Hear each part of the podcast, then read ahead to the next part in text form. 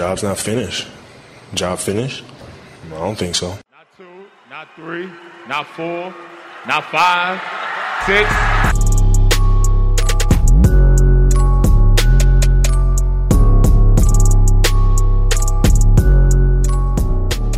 Van and Dodo Podcast, ahol hat podcaster összeállt egy közös balhéra.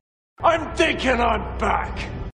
Sziasztok, ez itt a Pinterest harmadik adása. Ma vendégem újfent White, vele fogjuk folytatni, illetve lezárni ezt a kis kitekintő sorozatunkat, amelyben olyan játékosokat próbálunk összerakni kontinensenként egy csapatba, akiknek volt NBA karrierje is, és ez nagyon-nagyon fontos font ennél a kategóriánál, majd ezt részletesen is el fogjuk mondani, hogy miért, de először is szia White! Szia Pink! Hogy érzed, mennyire erős Amerikának a csapatait? Ugye Észak, Közép és Dél-Amerika csapatát raktuk össze, mínusz azok, akik amerikai állampolgári játékosok. Mármint, hogy érzed, hogy mínusz amerikai állampolgár? Hát, tehát, hogy aki, mit tudom én, aki USA válogatott az, vagy az lehetne. Jó, de ugye vannak itt olyan játékosok, akik USA válogatott is volt, de legutóbb a Bahamákon szerepelt, Eric Gordon, ő szerintem itt választható lesz. Én úgy érzem, hogy Amerika Ázsiához, Ausztráliához, illetve Afrikához képest tehát kategóriákkal jobb. Én úgy gondolom, hogy talán megközelítheti az európai szintet, mondjuk a kezdőcsapat talán. Valahogy így érzem, de, de azért azért le van maradva. Nekem itt az a megérzésem, hogy itt már vannak franchise player, vagy nem is franchise player, mert én ezt így nem szeretem használni, all-star player kaliberek, amik kevesebbek voltak Afrikába és Ázsiába, itt azért elég sok ilyen játékosról beszélhetünk majd, de igazán ilyen korszakalkotó játékos, viszont szerintem itt van a, a legkevesebb. Akkor most Amerikával kezdünk és az adás második felébe fogjuk az össz usán kívüli all-time válogatottat összerakni. Igen, és akkor azt beszéltük meg, hogy ezt az amerikai csapatot most én kezdem, és kapásból egy ilyen kitekintéssel fogunk kezdeni, mert hogyha amerikai kontinenset egybe veszük, akkor van egy olyan játékos, aki megkerülhetetlen lenne ezen a listán, de mégsem szerepelhet rajta ugye a kikötéseink miatt, és ez Oscar Schmidt, a brazil csoda játékos. Oscar Schmidtnek az volt amúgy a beceneve, hogy Mao Santa, vagyis Szent Kéz, és nem véletlen írtózatosan jókezű játékosról beszélünk, ő amúgy kis csatárt és erőcsatárt játszott karrierje döntő többségében, és most egy-két adatot mondanék csak, hogy aki nem ismeri, hogy ő mit tudott, akkor őket kicsit így képbe kerítsük. Karrierje során 49.737 pontot dobott. LeBron James most jár 38.775-nél a, a mai napon az adás felvételekor. Az alapszakaszt ugye a rájátszást is hozzáveszik meg mindent Oscar Schmidtnek, ha jól tudom. Még az a kérdés itt, hogy Oscar Schmidt az olimpiai pontok hozzá vannak-e számolva. Minden, ami profi karrier elvileg. De én LeBron Jamesnél azt találtam, hogy a 38 ezer az nem az alapszakaszra jön ki neki, de majd mindjárt akkor rá ellenőrzök még egyet. Nem baj, ha csak az alapszakaszt vennénk, akkor nézzük egyelőre így. A tavalyi 1590 pontos szezonjával még 7 szezon kéne neki, hogy utolérje Oscar Schmidtet, aki 29 évig játszott profiként. Az olimpiákon 1093 pontot dobott, ebből 55-öt például a spanyolok ellen az egyik meccsen. Andrew Géz, akit már korábban az Ausztrál csapatnál összeraktunk, ő a második 789-et, tehát mondhatjuk, hogy ez egy körülbelül megdönthetetlen rekord. 906 pontja van VB-ken 34 meccs alatt, Skóla a második 41 meccsen 716 ponttal, közelükben nincsen senki, amúgy ilyen 100 pontokkal van lemaradva a következő. És ami még érdekes vele kapcsolatban, hogy ő amúgy majdnem NBA játékos lett, mert hogy 1984-ben a hatodik körben hatodik körben, érted? Egy ilyen játékost hatodik körben ledraftolta a New Jersey Nets, de mivel kevesebb pénzt kapott volna hatodik körös játékosként, mint amit akkor Olaszországban keresett, illetve 84-ben még profik nem játszhattak válogatottban, egészen 1989-ig, ezért ő azt mondta, hogy köszöni szépen, de akkor inkább fogja magát és a brazil válogatottat választja, és később meg már 89 után pedig már nem akarták őt átvinni az NBA-be, Úgyhogy hát egy igazán jó szkórerről van szó, közben amit te mondasz róla pár szót, addig én meg LeBron James pontjait összeadom, mert megtaláltam. Nem LeBron James pontjait, amíg beszélünk erről. Ugye az alapszakasz volt ez a 30, mondom, ott 38 ezer 775. 775, igen, ezt, ezt a mai napon, ez november 2-a 2023. Ehhez jön még a playoffban 8023 pont, Az 46 ezer durván. igen, 47.071 összesen, mert 274 pontot dobott az olimpiákon, meg a VB-ken. így összesen a, a amerikai válogatott színűben. 8000 pont kéne. Nem, mert mennyi volt az Kasmit? 49.730. Ha, és 47.071-nél jár LeBron így összesen. Tehát egy kurván két és fél szezon. Figyelj! Két szezon. Két szezon. Az még, az még, át, három. playoff együtt két szezon. Igen? Szerinted meg lesz két szezonon belül?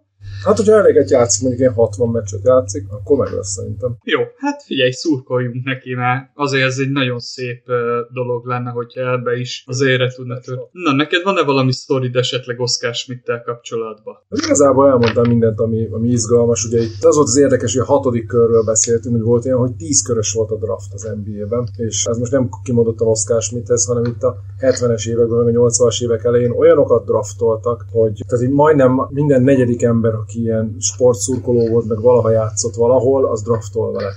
Te is, meg én is Amerikában, mert mondjuk Filibe volt az edzőnek valami haver, és poénból ledraftolta a tizedik körbe, úgyse viszi el. Volt, hogy egy, az, az a rekord, hogy egy kettő éves kisgyereket draftolt valaki. Az igen. Tehát, hogy ilyen, ilyen poén draftok voltak, és akkor ezzel izé a kocsmába lehetett ott izélni. Ja, engem draftolt a Fili! Jó van, bazdmeg, de 51 évesen draftoltak a 8. körben, mert ismered a edzői stábból valakit, az poén volt. És egyébként úgy volt, hogy a valakit draftoltak, és a következő, tehát egy éven belül, a következő off-season végéig nem kapott szerződést, akkor újra szabad ügynök lett, és újra draftolhatóvá vált a következő drafton, és ez azt hiszem 80-as évek legelején valahol egy CBA váltáskor, talán ilyen 83-84 körül törölték ezt el. Ezért volt az, hogy Larry Bird-et 79-ben draftolták, nem, 78-ban draftolta a Boston, és 79 nyarán, ha nem kötött volna szerződést, akkor egy per egy elvihette volna akár a Lakers is a következő drafton. De szép lett volna. Na, ugye ennyi kis kitekintő ez a hatodik körhöz, de egyébként hatodik körben ilyen überstesseket húztak, mint Oscar Schmidt. Hát ha, mi baj lehet belőle. De érted, gondolj bele, hogy Oscar Schmidtet akkor hatodik körben megszerzi a net, teljesen más történelmük lett volna. Igen, abszolút. Ő egy NBA szinten kurva jó játékos lett volna. Biztosan. Legrosszabb esetben szerintem ilyen, ilyen kukocs, mm, Detlef Schrempf kaliberű karrier kinézett neki bőven. Akkor kezdjük meg a csapatunkat.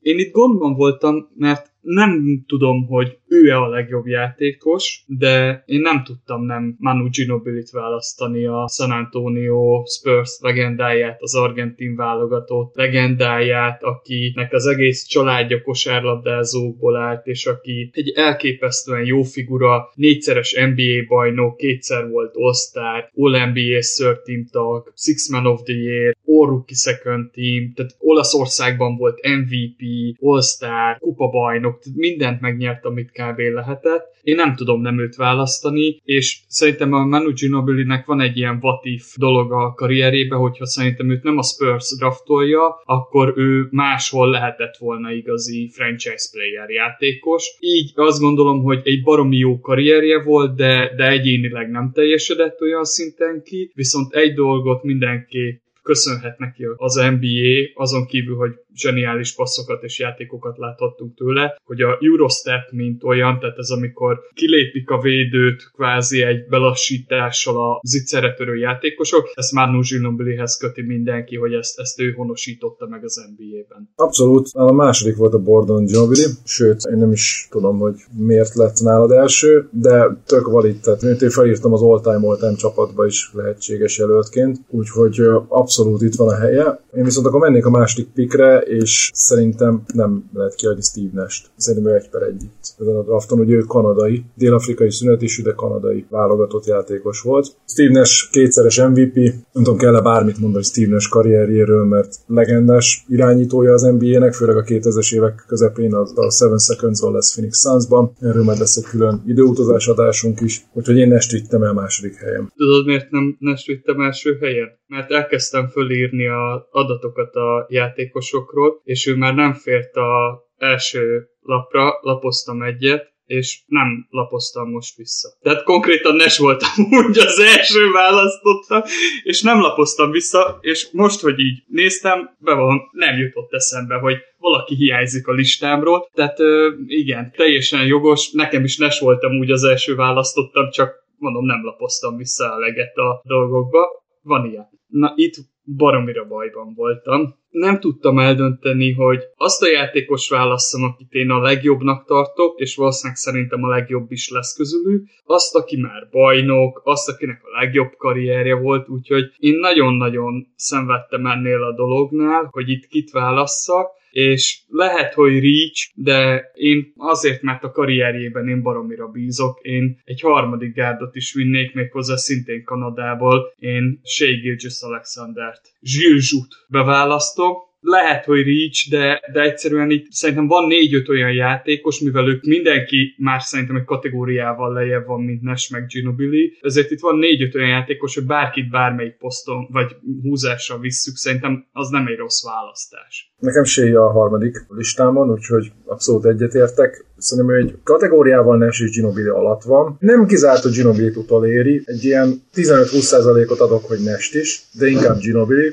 és szerintem egy kategóriával a többiek felett van, akik jönnek. Úgyhogy ezt abszolút értem. Ezt nem tudom, hogy tudtad de hogy neki az anyja amúgy olimpiai atléta volt, és 1992-ben Antigua és Barbudát képviselte az olimpián az édesanyja, úgyhogy ő ilyen sportolós családból van, de, de nem kanadai sportolós családból. Ez olyan, mint mikor mi igazoltunk valami afrikait, valaki köz, Magyarországról kiment Afrikába, talán Kembe Szorel síelni, mert hogy síelt már háromszor életébe Szlovákiába, és akkor az Afrika közepén ugye senki nem ment síelni a téli olimpiákra, de kvótájuk volt, úgyhogy gyakorlatilag bejelentkeztél, hogy tudok síelni, és elmentél olimpiára. Igen, igen, igen, igen. Úgyhogy szerintem ez valami hasonló lehet. Atléta volt, tehát futóként volt elvileg az olimpián. Ha ilyen karib térség, meg ilyenekből látsz valakit, akkor az jó eséllyel atlétaként van ott, és ott meg azért lehet futni, tehát hogy ahhoz sok minden nem kell. És egyébként Shea Gilgis Alexandernek óriási példaképe és kedvence volt Ellen Iverson fiatal korában. Azért is ilyen a haja most, illetve azért is kicsit hasonlít, azért nem annyira hasonlít a játéka, mert jóval magasabb és erősebb játékos, de óriási példaképe volt, és érdekes, hogy egyébként meg Vince Carter és a Toronto Raptors meg Kanadába ment akkor nagyot, de mégis Iverson volt a kedvence, és neki a minnesota a bedobója Nikhil Alexander Walker, az unokatestvére, ugye Alexander a Igen. benne van ők rokonok. Aki egyébként akár ellen a listára fel is férhetett volna, hisz ő is kanadai. Igen, de nem fog. Kérdés, hogy draftolod de mert én... Nem. Nem fog. Negyedik nem választással Gilgis Alexanderhez hasonló megfontolások alapján egy, hát már NBA-ben bizonyított, de még azért mindig a karrierje nagy része előtt áll ennek a játékosnak, és nem más, mint a friss bajnok Jamal Murray. Ő a negyedik választottam. Nekem is ő a negyedik választottam. Neki a kék nyíl a beceneve amúgy, ez még a Kentucky Whitecats-ből maradt ott, úgyhogy remélem, hogy Blue és Blond is hallgatják az adást, hogy kicsit ncaa is, de körülbelül ennyit tudok ahhoz hozzátenni. Körülbelül ennyi az érdemleges. ja, úgyhogy én teljesen adom ezt a választást, szerintem ő itt egy nagyon jó pick volt a részedről. Húzzunk magas embert? Hát te döntöd el.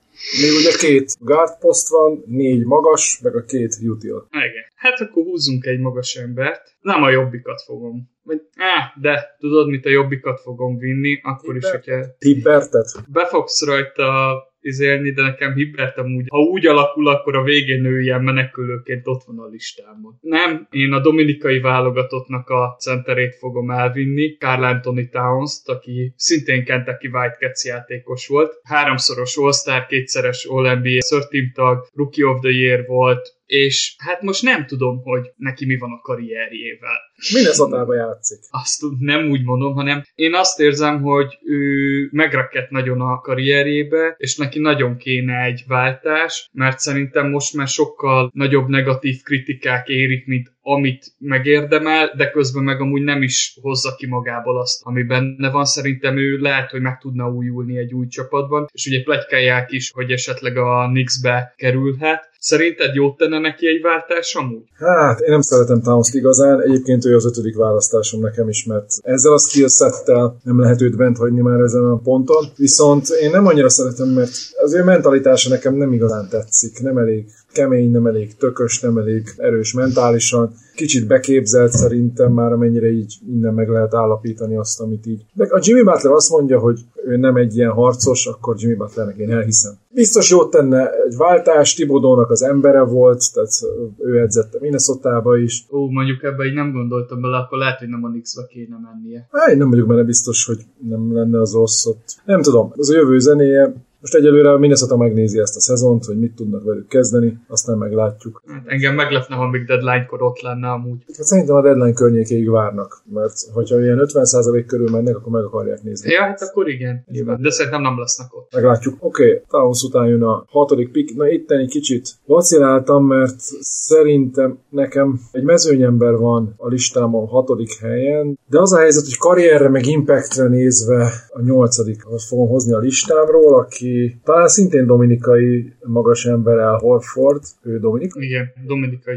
Igen, csak hát ő már túl nyugger ahhoz, hogy towns együtt nyomja a válogatottba, de szerintem Horford ez a, ez a nagyon, főleg karrierje csúcsán, itt a karrier csúcsokat nézzünk az ilyen all-time listáknál, karrierje csúcsán Horford borzasztó jó védő volt, hihetetlen intelligens, ahhoz képest nagyon jó shooter, hogy milyen magas ember, és, és, és milyen technikával dob, szóval egy nagyon korrekt center, védekezésbe is, támadásba is jól passzol. Szerintem ő bizonyította a hosszú karriere során, hogy nagy playoff párharcokba is jól tudott teljesíteni, hogy egy ilyen csapatba egy ilyen, hát nem is glúga egy szerepre, de egy ilyen mindenes szerepre szerintem szüksége lehet a összamerikai válogatottnak, és igazából eddig jóformán Murray, Gilgis Alexander, ő mondjuk azért nagyjából tud védekezni, de Nash, talán valamennyire Ginobili is, de Towns kevésbé, nem túl jó védők. Shai se rossz, nem jó, de nem rossz. Azt mondom, hogy Shai még valahogy tud védekezni, meg Ginobili még úgy elmegy, de Nash és Murray nem jó védők, Towns nem jó védő, kell ide valaki, aki jó védő, és szerintem Horford ebbe a kategóriába esik. Nekem is ő lett volna a következő a listámon. Ugye ő ötszörös all volt, és most a Bostonban azért itt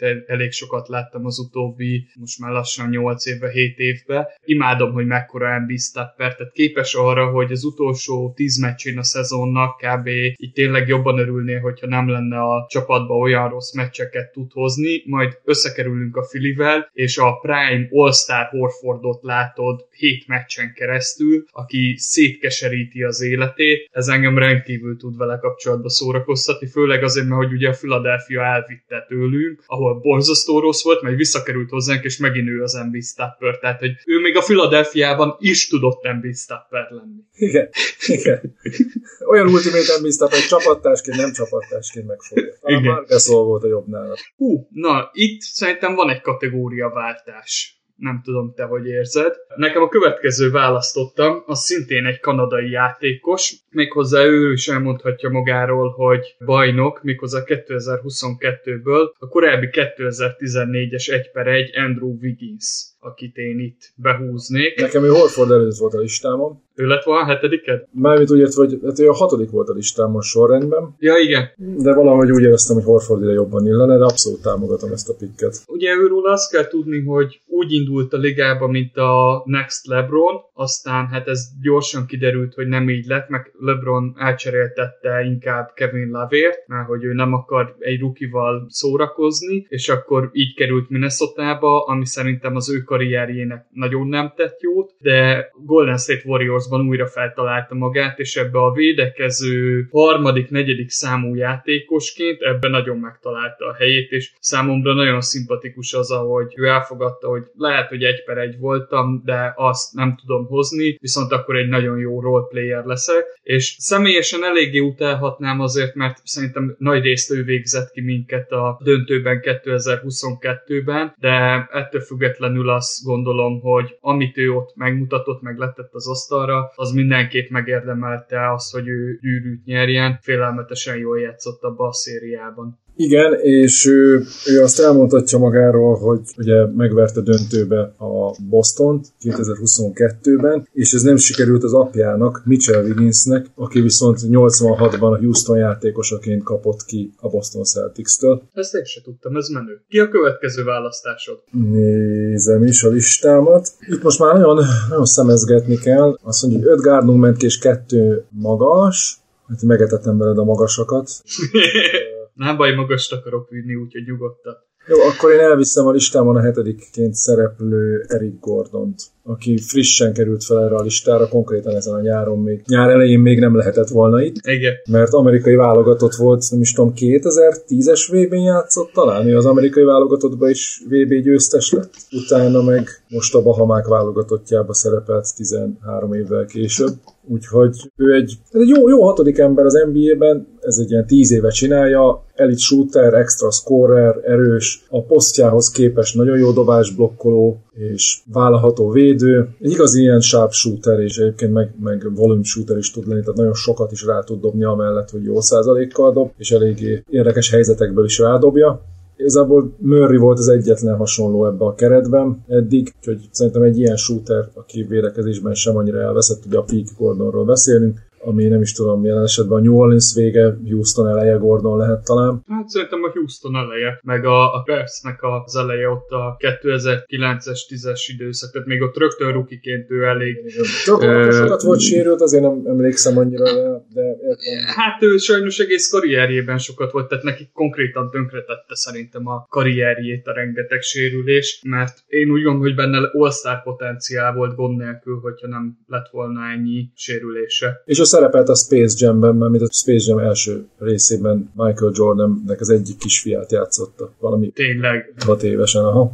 Menő. Na jó, akkor ezek után újra kell nézni szerintem minden hallgatónak, meg én biztos, hogy újra fogom legalább az elejét nézni, hogy melyik gyerek a kis Eric Gordon. Ha már mondtad a Bahamák válogatottját, akkor én következek, akkor hozok egy magas embert, választásom nem lévén, de amúgy is azt hoztam volna. Méghozzá azt, akikkel nekik most óriási problémáik voltak. Az argentin válogatott magas emberét, én Luis Kólát fogom itt elhozni. Oh, nem tudom kiadni, szerintem itt már 9. helyen nyugodtan bevállalható döntés. Ugyanis azt kell tudni, hogy az argentinok teljesen kivannak azon, hogy elvileg ők jutottak volna ki az olimpiára, de a bahamai válogatott megverte őket úgy, hogy Eric Gordon elég rendesen megszórta őket a mérkőzésen, és nagyon nem tetszik nekik ez, hogy milyen dolog az, hogy valaki már világbajnok volt az amerikai válogatottal, vagy akár bármilyen válogatottal, aztán úgy dönt, hogy elmegy egy másik válogatottba, amihez ráadásul köze sincs. Tehát, hogy ő nem olyan, mint Clay Thompson, hogy az apja Michael Thompson az bahamai válogatott volt, nem, hanem Gordonnak konkrétan nem sok köze van Bahama országához, és emiatt nagyon-nagyon kivannak rajta, hogy így kerülhet ki valaki. Teljes mértékben megértem őket, ez számomra se egy szimpatikus dolog. Viszont Luis Cola, hát ő neki azért a karrierje az mindent is tartalmazott. Egy baromi jó kezű játékosról van szó. Ő is a VB-ken, illetve olimpiákon második, harmadik helyeken van, Oscar Schmidt mögött a legtöbb pontban. Volt ő All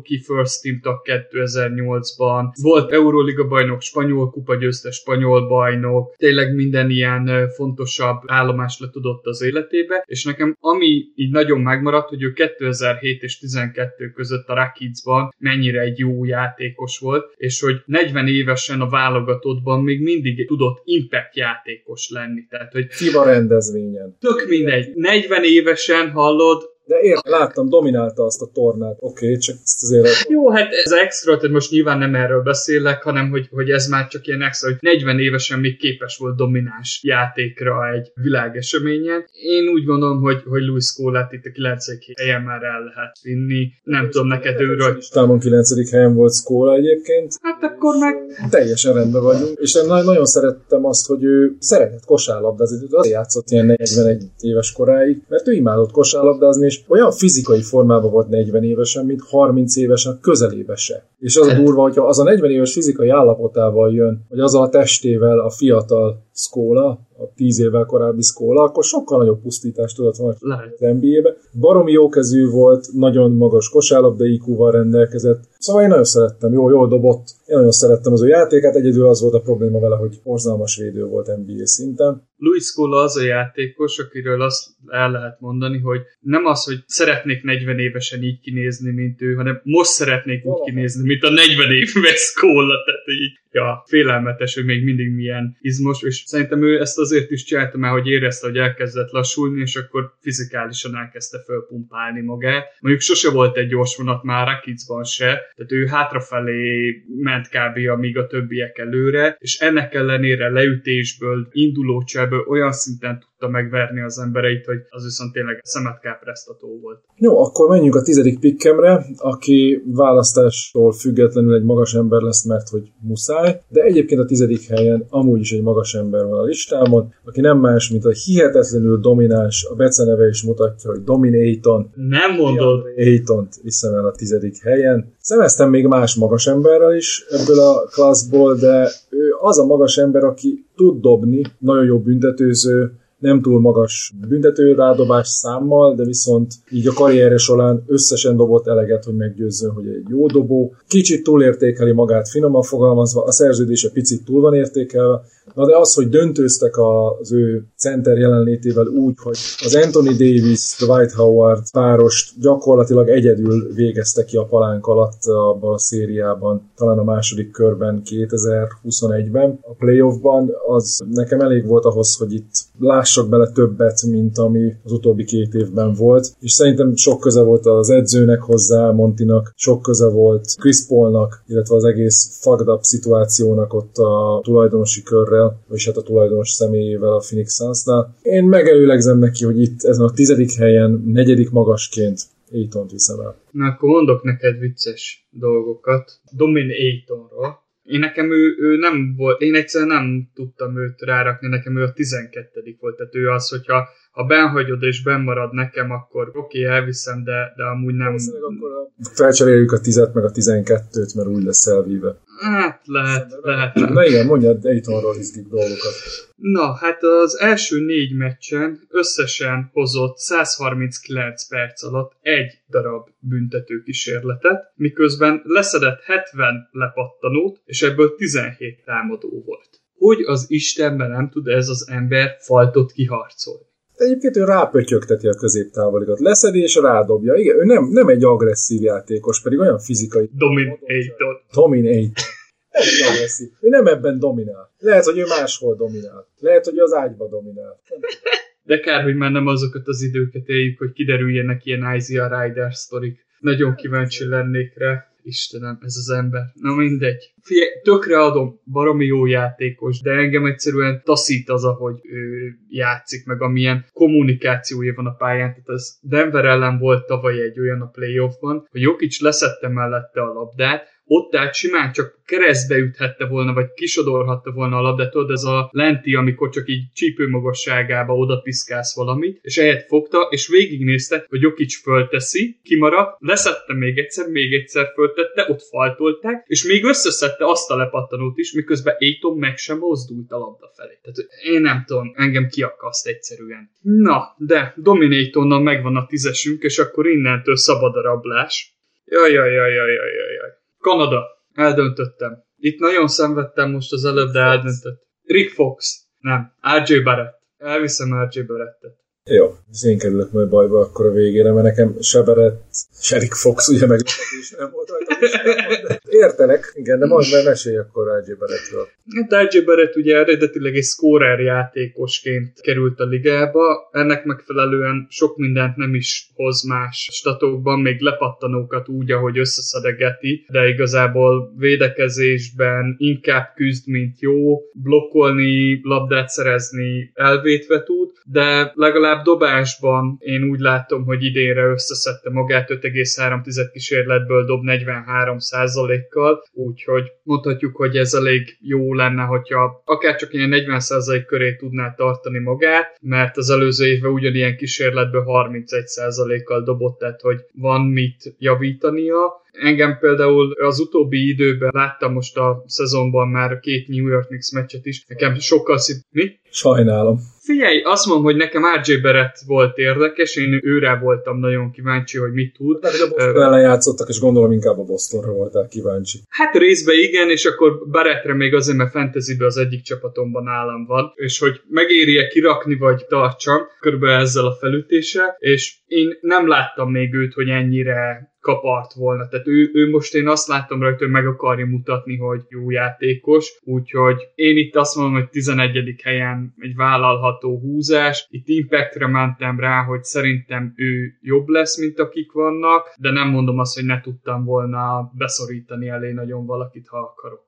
Jó, na nézzük akkor az utolsó posztot, vagy az utolsó spotot a rosterben. Nekem a 11. helyen Leandro Barbosa volt felírva. Viszont nekem ő a 12. 7 darab mezőnyemberünk van, ebből 5 darab guard, 2 darab forward, RJ Barrett és Wiggins. Igazából Barbosa nem kerülne pályára ebbe a csapatba. Ott van Nash előtte, ott van Gilgis Alexander, ott van Jamal Murray, Ginobili és Eric Gordon ő azt tudja körülbelül, amit Eric Gordon, csak nem olyan jó szinten. Barbózája azért a karrierje végén már inkább nagyon jó védő és jó szervező volt, mint scorer. Meg egy jó tripla dobó, de hát igen. a csapatban erre nincs szükség, és ahogy elnézem a magas ember sorunkat, ez a Carl Anthony Towns, Al Horford, Louis Scola, DeAndre Ayton, ez Scola és Horford nem annyira magasak, Scola ráadásul nem is jó védő, Ayton, ugye, hát Pussy Ayton, Towns inkább, úgyhogy itt én most arra jutottam, hogy egy ilyen Jolly Jokernek aztán vagy játszik bizonyos párharcokba, vagy nem, de inkább elhozom, hogy legyen ott, és az pedig a Roy Hibbert. Ez az. Aki Prime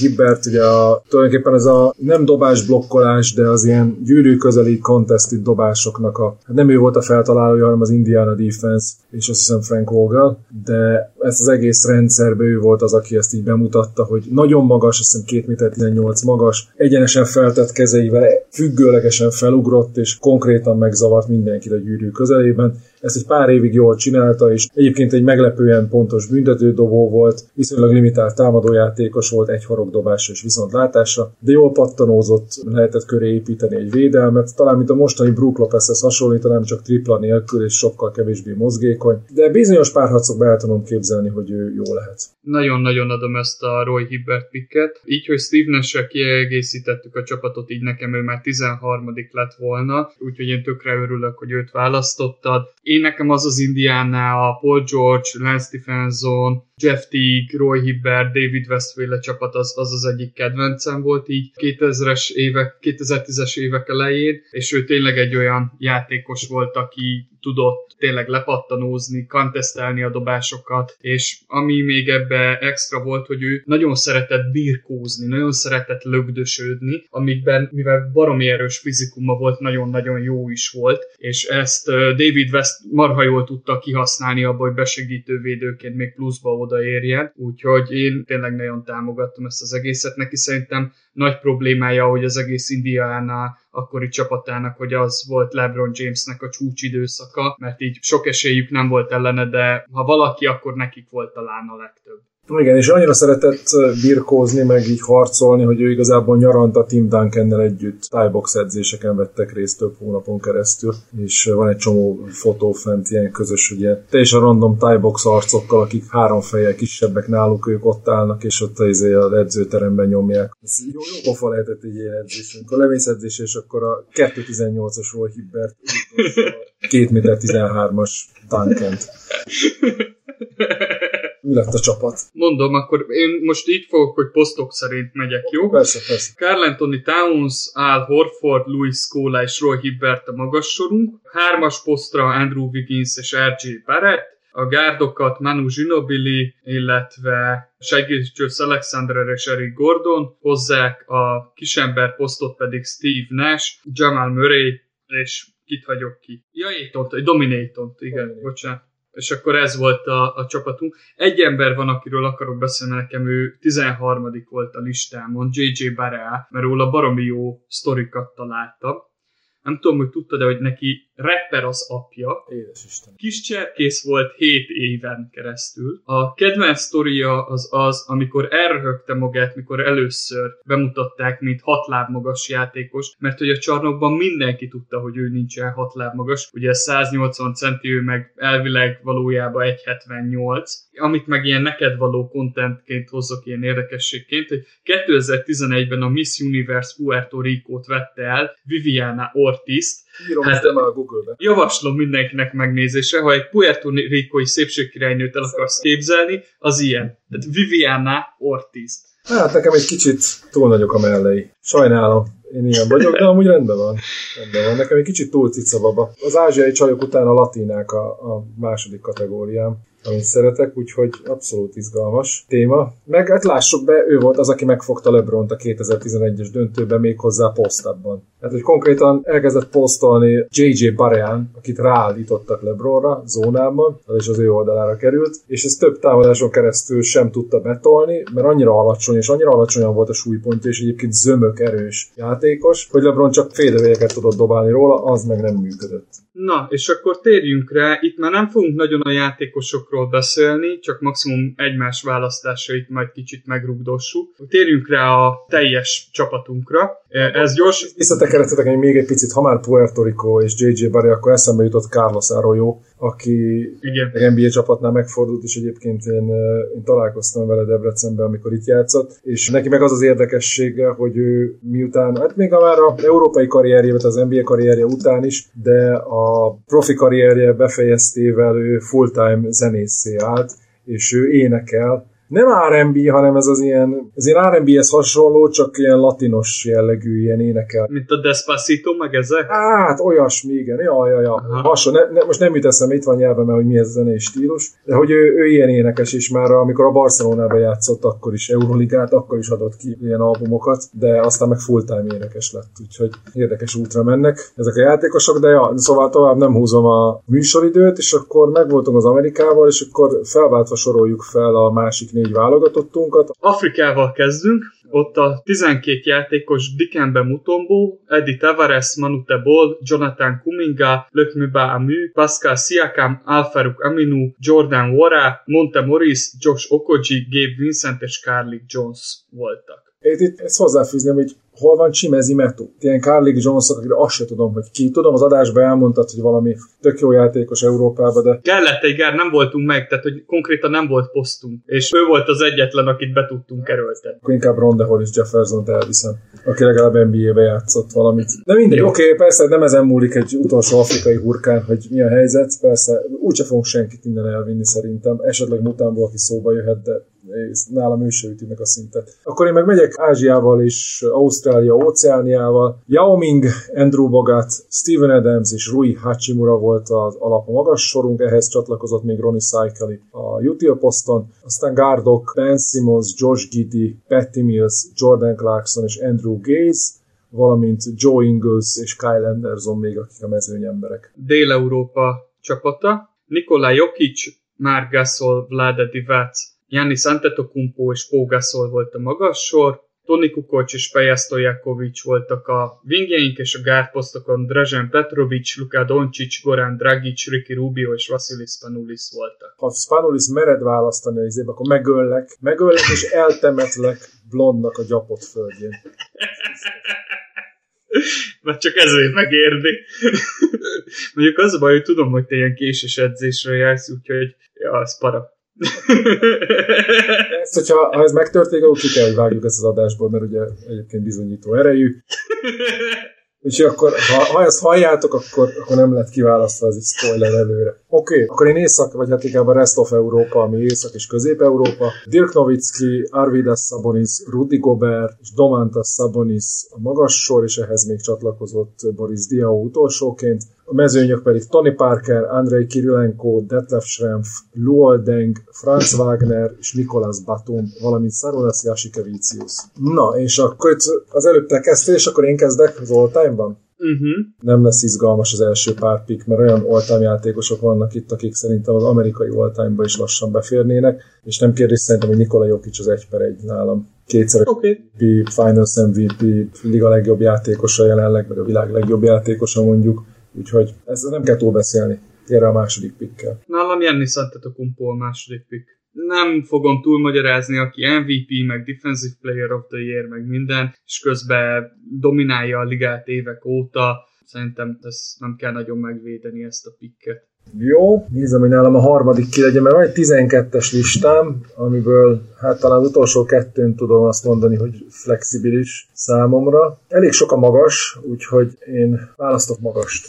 Dirk Nowickit fogom elvinni harmadik helyen. Ennek nagyon örülök, mert így nem nekem kell. Féltem tőle, hogy ben fogod hagyni nekem addig, hogy ki kelljen választanom. Ja, hú, nem akarom kilőni az összes magas posztot, és szerintem itt két olyan gárd van, akiben gondolkozni kell, és ha már az előbb kihagytam, akkor most viszont nem fogom, és én elviszem Steve Nash-t. Nash viszed el. Jó, akkor én elviszem Doncsicsot. Én Jó, hát- hát volna hamarabb, de hát ez Igen, csak az a baj, hogy még statokban, meg számokban, meg mindenben még annyival előtte van Nash, hogy én nem, nem akartam még most őt Oké, okay, persze, nem, nem, ezen nem, nem lehet vitatkozni. Valószínűleg Doncsics lesz a jobb karrier. Igen, Azért kétszeres MVP-ről beszélünk, minden személyében, úgyhogy nagyon nem lehet mellé lőni. igen, tehát itt Doncsics, ha, még, ha egy MVP-t nyer, akkor már ő lesz előrébb ezen a listán, ez így annyira nem egy nagy vállalás. Na innentől kezdődik a bulis része a dolgoknak. Nem is tudom, hogy kit válszak, mert nem azt hagytad benne, akit én gondoltam, hogy ben fogsz nekem hagyni. Hát figyelj, én elviszem Szaboniszt. Na, de én is őt vittem volna, úgyhogy én már Doncsics előtt gondolkodtam Szaboniszon, de mondom, ah, azért nem hagyom benne Doncsicsot. Akkor viszont innentől most kicsiket kell vinnünk. Tudom, tudom. Ez izgalmas, mert itt azért van egy drop a játékos szintben. Eddig az eddigi első öt, az szerintem Az nem kérdés. az nem kérdés, és talán azon is lehetne vitatkozni, hogy, hogy az all-time Amerika, hogyha az egész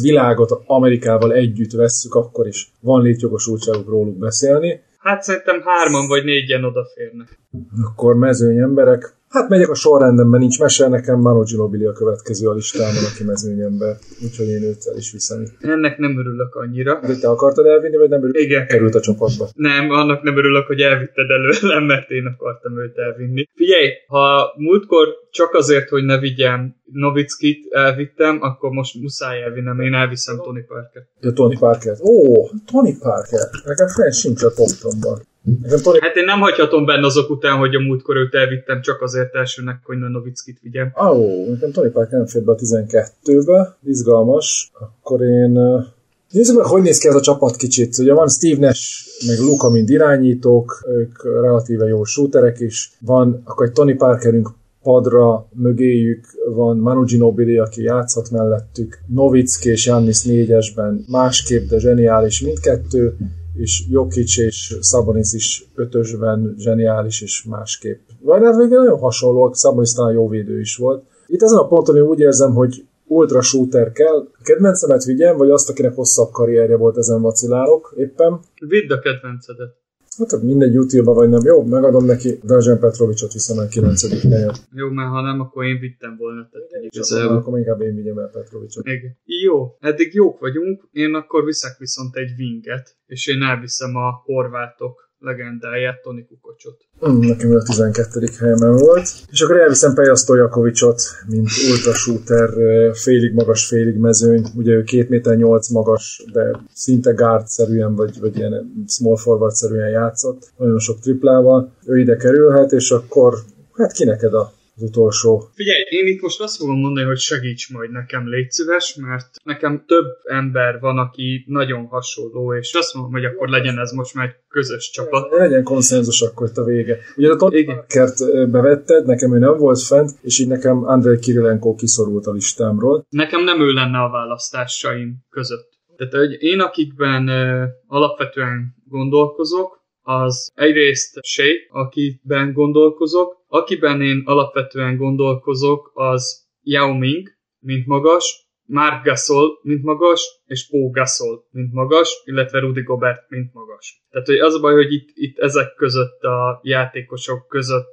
gondolkozom leginkább, hogy kit kéne, de itt most azt mondom, hogy segíts, és, és Pógaszol van rajta a listámon még, tehát uh-huh. nekem úgy volt, hogy Pógaszol benne van a 10-ben, vagy hát nem nincs benne a 10-ben, mert eh, a Jokic, Sabonis, Novicki, Antetokounmpo 4-es után jön Gasol következőként, de hát én őt elvittem volna, hogyha Stojakovics nem marad bent, és én a szerkezet miatt éreztem azt, hogy Stojakovicsra szüksége van ennek a csapatnak. Én azért kampányolnék Paul Gasol mellett, mert ő intelligens volt védekezésben és támadásban is, tudott dobni is, tudott passzolni is, és NBA szinten is többszörös bajnok, és olyan messzeségig ment playoff párharcokba is, és mutatta, hogy ő egy clutch player egy hetedik meccsen, a, amikor Kobinak nem ment semmibe, de 16 pattanót szerető 2010-ben a döntőben, és gyakorlatilag a hetedik meccsen ő verte meg a Bostont. Gas- Akarsz még három-négy kis beszúrni a bordák alá, vagy, vagy így abba hagyod? Ja, tehát tud, nem, nem kell bemutatni, hogy mennyire zseniális játékos volt. Meg, meg, ő, meg ő fibába is tényleg elment bármilyen. Tehát ő minden létező competitionben, meg sportákban, van, ugye én szeretem ezt két külön sportágnak venni ezt a két bajnokság rendszert. Mind a kettőben nagyon jó volt. Én mellette kampányolok, Hasonló megfontolások miatt Margasolt is el tudom fogadni, de én úgy gondolom, hogy Pogaszol jobb, mint Margasol. Rudy Gobert, Rudy Gobert egy jó védőjátékos, de egy oldalú játékos. Ezt teljes mértékben így. Csapatban nem annyira. Shea nekem még ő túl fiatal ahhoz, meg, meg az az egy kiemelkedő All-NBA szezonja mm. tavaly volt, az ugye nagyon magasan van, az All-NBA first szezonja, meg a korábbiak is jók, de ugyanaz, mint Doncsicsnál, hogy mondjuk inkább egy két-három ilyen szezon még szeretnék, ja. amíg itt látom, és akkor is inkább mondjuk akkor a tízbe kerül, nem tudom, kukocs helyett például. Annyira nem könnyítetted meg a dolgomat, mint gondoltam, mert az a baj, hogy Pógeszol ezt már elmondtam egyszer, de hogy Pógaszolnál én a világon nem utálok Annyi jobban játékos. Egy akárkit választhatsz, és Pógaszolt, akit legjobban utálsz kell. Nem is kell, de fogod kiválasztani. Figyelj, fölülemelkedek. Jó, most az egyszer fölülemelkedek önmagamon, mert tényleg azt kell mondanom, hogy ő a legjobb játékos. Tehát, hogy azért próbáltam itt több emberbe gondolkozni, hogy ne őt kelljen. Én nagyon biztam benne, hogy amúgy őt ilyen tizedik helyen el fogod vinni, és akkor majd Pejával, meg Kukocsal tök jól el leszek, és 11 akkor... jel elvittem volna Gaszolt, akkor te behúzod Stojakovicsot, és mindenki boldog. Így van. De hát ha már nem így alakult, akkor viszont azt kell mondanom, hogy a játékos nagysága előtt én mindenképp fejét hajtok, mert amúgy egy zseniálisan jó játékos volt. Most álljunk meg egy pillanatra. Az első adásban Blonda azt mondtad Mutambóra, hogy zseniális játékos, és Stojakovics, hogy zseniális játékos. Aj, Istenem. Azt mondtad Pógaszor, hogy zseniális játékos. Keresem a sormintát, hogy mi a zsenialitás fogalma nála. Hát Figyelj, ugye ezt szoktam mondani, hogyha Robert Sacrét ugye fikázzuk, és ő a világ 500 legjobb kosárosának egyike, akkor az, aki mondjuk ott van a, mit tudom én, egy időszakban, mondjuk egy 5 éves időszakban a top 20-ba, akkor az tényleg a világ legjobbjainak a legjobbja. Itt akik az listán vannak, azért azok többségében elmondhatják magukról, hogy, hogy zseniális játékosok a valóságban is, de igen, a szó ismétlés az nem barátom. Ez erre a háromra használtad a három adásunkban a zseniális ja. kifejezést. Jó, akkor nem is ezt fogom rá használni, hanem Pugaszol nagyon okos, intelligens, jó védő, baromi ügyes támadó volt, Nekem világéletben soha nem a játékával volt bajom, hanem azzal, hogy egy hiszti királynő, egy nem tudom szavakkal elmondani azt a rengeteg sírást, amit ő le tudott művelni, és ő nem az a kicsit idegesítően hisztizett, mint a Chris Paul vagy Duck Rivers, hanem ő ez a szó szerint sírt a pályán egyfolytába, és belehalt mindenbe, úgyhogy nekem világéletben ez volt vele a bajom, de mivel a játékosok közül ő a legjobb itt a 12. helyen, ezért nem tudom nem Pógaszolt elvinni, úgyhogy írjuk be ide a, a végére, és akkor olvassuk föl a csapatunkat. Mit szólsz hozzá, hogyha én viszem a magas posztot, te meg a alsó posztot, jó? Magas poszton Nikolaj Jokic és Arvidas Sabonis lesz a két centerünk, illetve Janni Antetokumpo, Dirk Nowitzki és Pógászol fogják a magas sorunkat erősíteni, amivel szerintem védekezésben annyira nem leszünk toppok, bár nem leszünk rosszak, de támadásba tényleg minden hangszeren tud játszani ez az öt játékos. Pick and roll-tól kezdve Nowitzkivel lehet leválást játszatni, dobáltatni. Talán azt mondom, hogy külső dobásunk nem nagyon lesz a magas sorba, de Jokic azért azt is tudja hozni, meg Sabonis is, illetve Nowitzki. Szerintem szerintem ez egy baromi masszív sor. Kicsit lassú fizikailag, tehát hogy nem egy gyors lábú sor. Jánisz nem rossz, de a többiek azt mondom, hogy lehet, hogy Shea azért nem is illett volna ebbe a csapatba, mert ő futni szeret, és az nem biztos, hogy ennyire jól lát volna ennek a csapatnak, mint hogy azok, akik gárdok lesznek, hogy azok inkább ilyen megfontolt okos játékosok. Felállt védelem ellen szerintem ez a csapat, ez tényleg azt ver meg, akit akar. Szerintem Sének nincs azzal se baj, hogyha fél pályán játszik, ő azért pick and rollokból szépen tud dolgozni, jól megtalálja a középtávolin a helyeket, azokat bepütyögteti, elmegy a gyűrűig, negyedik faltot kiharcol. Én pont úgy gondolom, hogy ő, ő az utóbbi években nagyon jól adaptálódott a ligába ahhoz, hogy nagyon fogják a triplákat, meg hogy hogy védik a triplákat, meg a gyűrűt, és hogy így ilyen kis derozán módjára csak annál jobb triplával megtalálta uh-huh. ezt az a jó egyensúlyt. De nézzük a gárdokat, ugye Steve Nash és Luka Doncic a két irányítónk,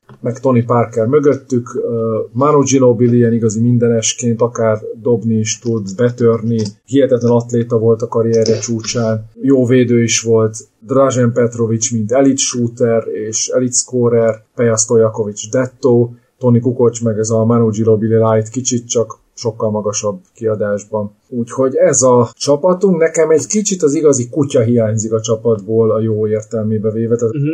Ez az állatvédő, mondjuk, hogyha egy ilyen nyilván közelében nincs a tudása még, hogy az amerikai csapatba se került be, de ez a Dylan Brooks vonal, uh-huh. kanadai, vagy ezek a, amit beszéltünk az Európánál és az északi részén, hogy nem nagyon tudtunk berakni ilyet. Talán Lou... Hát egy Luoldenk. Luoldenk, vagy én nekem Kirilenko pont ezért volt a 12 mm. benne Parker helyett, mert úgy voltam vele, hogy Színes és Doncsics mögött teljesen overkill egy Parker, viszont Kirilenko védekezése sokszínű és méreteihez tekintve gyors védekezése, meg atletizmusa az nagyon kellett volna szerintem egy ilyen csapatba. És itt felvetném, hogy ugye ez a csapat minden idők szerintünk, vagy hát általunk összehozott minden idők legjobb nem amerikaiakból álló csapata, és hogy ez a, hát szerintem az nem kérdés, hogy minden idők amerikai csapatához fel se érne, aki valaha játszott amerikai válogatottba, vagy amerikai állampolgár is játszhatott volna. Van-e olyan játékos, szerinted, aki minden idők amerikai csapatában szerepel, talán Will Chamberlain és Bill russell meg Karim Abdul-Jabbaron kívül talán ezt a három magas lehetne nagyon erőszakosan beszuszakolni, akik vagy a Redeem Teamben, vagy a Dream Teamben nem szerepeltek. De tudnál-e még olyat mondani, aki vagy az egyikben, vagy a másikban nem volt benne? Hát még Shaq például, ugye ő 96-ban, 94-ben volt a válogatottban. Ah, jogos. Bár szerintem ő nem férne be a Shaquille O'Neal esetében én, én azon gondolkodnék, hogy az all-time USA csapatba is beférhetne-e, de azt ugye nagyon-nagyon erősek a centek, ez a Bill Russell, Karim vonal. Wilt, olaj. Az a baj, most én azt számolom. Shaq vagy, vagy Wilt, olaj van, igen. De igen, igen, tehát ott azon a poszton ott nem annyira férne be. Figyelj, most, hogyha azt számoljuk, hogy mondjuk öt magas embert lehet elvinni, ebbe a All-American csapatba. Az öt centernek, ha normális Igen. állapot akarsz. És szerintem mondjuk az öt legjobb ilyen magast, hogyha össze akarod rakni, akkor mondjuk a Olajuwon, Karim Abdul-Jabbar, és akkor itt, hát én, én Birrassert vinném amúgy, de most ez lehet, hogy részrehajlás, és akkor ott van még Tim Duncan, Karl Malone, Kevin Garnett hatós, tehát az a baj, hogy nem tudom, hogy én sekket belebírnám erőszakolni. Nálam Wiltnél is Melonnal előrébb van egyértelműen, sek, én talán lehet, hogy egy ilyen YouTube posztra tudnám. Uh-huh. A mezőnyben ugye nem kérdés LeBron és Jordan, Kobe, Bird, Magic, és akkor itt már 9-10 játékosnál járunk, és hát, nem igen. mindegy, hogy kit raksz még abba a kettőbe az all itt már finom kérdés. Szóval szerintem ezt a csapatot, ez a Scotty, Scotty de akár lehetne beszélni Curryről, Kawai-ról. Ja, igen. Ja, tehát ilyenek, és akkor meg is van a 12 kb. Ezt a csapat... Mondjuk Kawai-t én attól függ, ha Prime-ot nézünk mindenképp, ha hát a Prime-ot, akkor egy Kawai-nak szerintem ott kell lennie, szerintem négy játékos lenne talán, akiről úgy beszélhetnénk, hogy ebbe a felsorolásba kell róla beszélni. Szerintem Nikolaj Jokicsról úgy fogunk hamarosan beszélni, hogy ő az első center poszton, és kész. Ott, legjobb center? Ott, aha. Az kemény. Tehát, hogy ez a, ez a Bill Russell Karim státusz, aki ilyen hát figyelj. harmadik, negyedik all-time great a listákon kb. Legalábbis nálam, meg néhány külföldi listáján. Figyelj, mi akadályozza meg Jokicsot abba, hogy idén a negyedik MVP-jét megnyeri? A harmadik sokat szerintem, de hogyha a, de igen, most lesz még egy, még egy bajnok és Finals MVP lesz, ami valószínűleg a következő két-három évben bennem, ahogy egyszer még lesz bajnok. Akkor az a kétszeres bajnok, kétszeres Finals MVP, kétszeres MVP, és Szerintem lesz ő háromszoros. Ővel lehet, és az is lehet, hogy mondjuk lesz tripla duplás szezonja centerként, meg végtelen All-NBA csapat, abszolút, abszolút lehet, hogy ilyen top 10-be kerül all time. Ez nem kérdés, csak jelen ponton én most még nem biztos, hogy betenném, de tényleg egy jogos kérdés, hogy kit miért és hova, és kit dobsz ki helyette vagy hogy befér egyáltalán már most. Én még Novickiben esetleg a végére gondolkodnék. Vagy talán... Hát nálam nem ő veszélyezteti. Nálam egyrészt Jannis, mert hogy pont az, hogy a Malone, Tim Duncan, Garnett vonalra szerintem Jannis az, aki simán odafér, és lehet, hogy már azt mondom, hogy szerintem ő már igazából csak Duncannel veszekszik ebbe a dologba. Na most akkor ez alapján neki ott kell lenni a legjobb magasok között, illetve nálam, aki még nincs ott, de szerintem hamarosan ott lesz, az Luka Doncic, és aki nincs ott, de beszélgetésbe szerintem ilyen mit tudom 20-25-ben ott kell róla beszélni, az nálam inkább Nes, mint Novicki. Nálam Nes nincs ezen a szinten egyszerűen. Novicki azért Finals MVP-t nyert, és döntőbe vitte kétszer a csapatot, amiből egyet meg is nyert. Hát jó, de ezt te is tudod, hogy ez azért sokszor a sérüléseken, meg jobb csapattársak, meg ilyeneken múlik. Tehát, hogy... De hát nem, neki nem volt egy ilyen biciklie, meg nem tudom, hanem... Nem, nem, nem, nem, most ezt nem, nem ezt akarom ezzel mondani. Hát azért őt nem, de oké. Okay. De inkább azt mondom, hogy egyikről se, mint arról, hogy mind a kettőről. Tehát hogy szerintem ez a Jokic, Jannis, Doncsics trió az, akiről így beszélhetünk, hogy odaférne. Doncsics valószínűleg oda fog a következő pár évben, hogyha letesz annyit az asztalra, a többieknek esélye nincs. És akkor azt nézzük, hogy mondjuk jó indulattal négy-öt játékosról beszélhetünk, akinek esélye van egyáltalán bekerülni abba a csapatba, ahonnan az amerikaiak közül mondjuk 12-15 lazán bent van. Akkor szerintem nem kérdés, hogy megverni ezt a csapatot Amerika. A kérdés, hogy mondjuk ez az össz Amerikán kívüli válogatott, mármint USA-n kívüli mm-hmm. válogatott, az mit tudna csinálni mondjuk a Dream Team ellen, mit tudna csinálni a Redeem Team ellen, vagy a modernkori USA csapatok ellen, akár 94, 96, 2000, vagy csak a győztes csapatokat említsük, mert a veszteseket nem kell megemlíteni, mert ezek külön-külön megverte Pógaszol meg. Szerintem a Redeem Teamet nem kérdés, hogy ez a csapat megverni. Szerintem se az a kérdés, hogy a Dream Team ellen mit tudna hozni, és nekem ott az egyedüli fájó pont, hogy nincsenek ilyen kutyavédők. Aha. És egyszerűen nincs, nincs az, hogy így rá tudsz állítani, hogy ütlegelő kurva védőket a, a többiekre. Igen, tehát hogyha így építjük a csapatot, akkor lehet, hogy azt mondom, hogy Parker és mondjuk akár Gasol helyett Lualdenget és Krilenkot kellett volna vinni. Vagy Kukocs helyett, ha már poszt igen. részlet kérdés, de igen, de ők sem biztos, hogy elegek lettek volna, de legalább valamit segítenek. Igen, guard poszton egyáltalán nincs védő, a, de a teljes négy csapatunkban az öt kontinensen, ugye most Ázsia, Ausztráliát egybe kezeltük, Európát meg kettőbe, de hogy ha rendesen öt kontinensként nézzük, akkor sincsen igazából egy normális guard védő. Szerintem jó összehasonlítási alap a 96-os Atlantai olimpiás amerikai válogatott lehet, ahol Stockton és Payton voltak az irányítók, ott volt Scottie Pippen, Penny Hardaway, Mitch uh-huh. Richmond, Charles Barkley, Carmelo, David Robinson, Shaquille O'Neal, Grant Hill volt még ott, és ez a csapat, aki így körülbelül ezt a játék stílust és tudást talán egy ilyen egára tudná hozni, és hogy velük lenne érdemes ezt megköröztetni, hogy mondjuk ki nyerne ebbe a párharcba. Hát ezt majd megírják nekünk a hallgatóink. Igen, igen, igen, hogy három csapatból melyik, melyik lenne inkább, aki nyer. Ez az all-time usa kívüli csapat, a 96-os amerikai csapat, vagy mondjuk a Redeem Team akár. Lehet, uh-huh. hogy és egy valid kérdés lehet. Meg hogy ti kit raknátok be esetleg az ilyen all-time kosárlabda csapatba, hogy ki az, aki szerintetek ebből, amiket mi összeraktunk, beférne a listára. Felsoroltunk azért pár nevet, hogy kikbe lehet gondolkodni, úgyhogy köszönjük, hogyha velünk gondolkodtok, és írtok nekünk ilyeneket kommentbe. Válaszolni fogunk rá. És azt is köszönjük, hogyha támogattok minket Patreonon, mert ez nekünk óriási segítség abban, hogy ilyen minőségű, vagy még ennél is jobb adás adásokat tudjunk csinálni. Ugye nem voltak itt a többiek, úgyhogy mi most ketten próbáltuk összehozni ezt, hogy a legjobb minőséget biztosítsuk nektek. Reméljük, hogy tudtok minket támogatni pár dollárral, és köszönjük szépen ezt már előre is mindenkinek. Igen, köszi, jó, hogy behoztad, mert elején elfelejtettem. Ez a sorozat véget ért, de egy másik majd elkezdődik, de erről majd egy későbbi adásunkban. Köszi, hogy itt lehettem ma. Ciao, Pink. Ciao. Ez volt már a Van Dodo Podcast. Tartsatok velünk legközelebb is!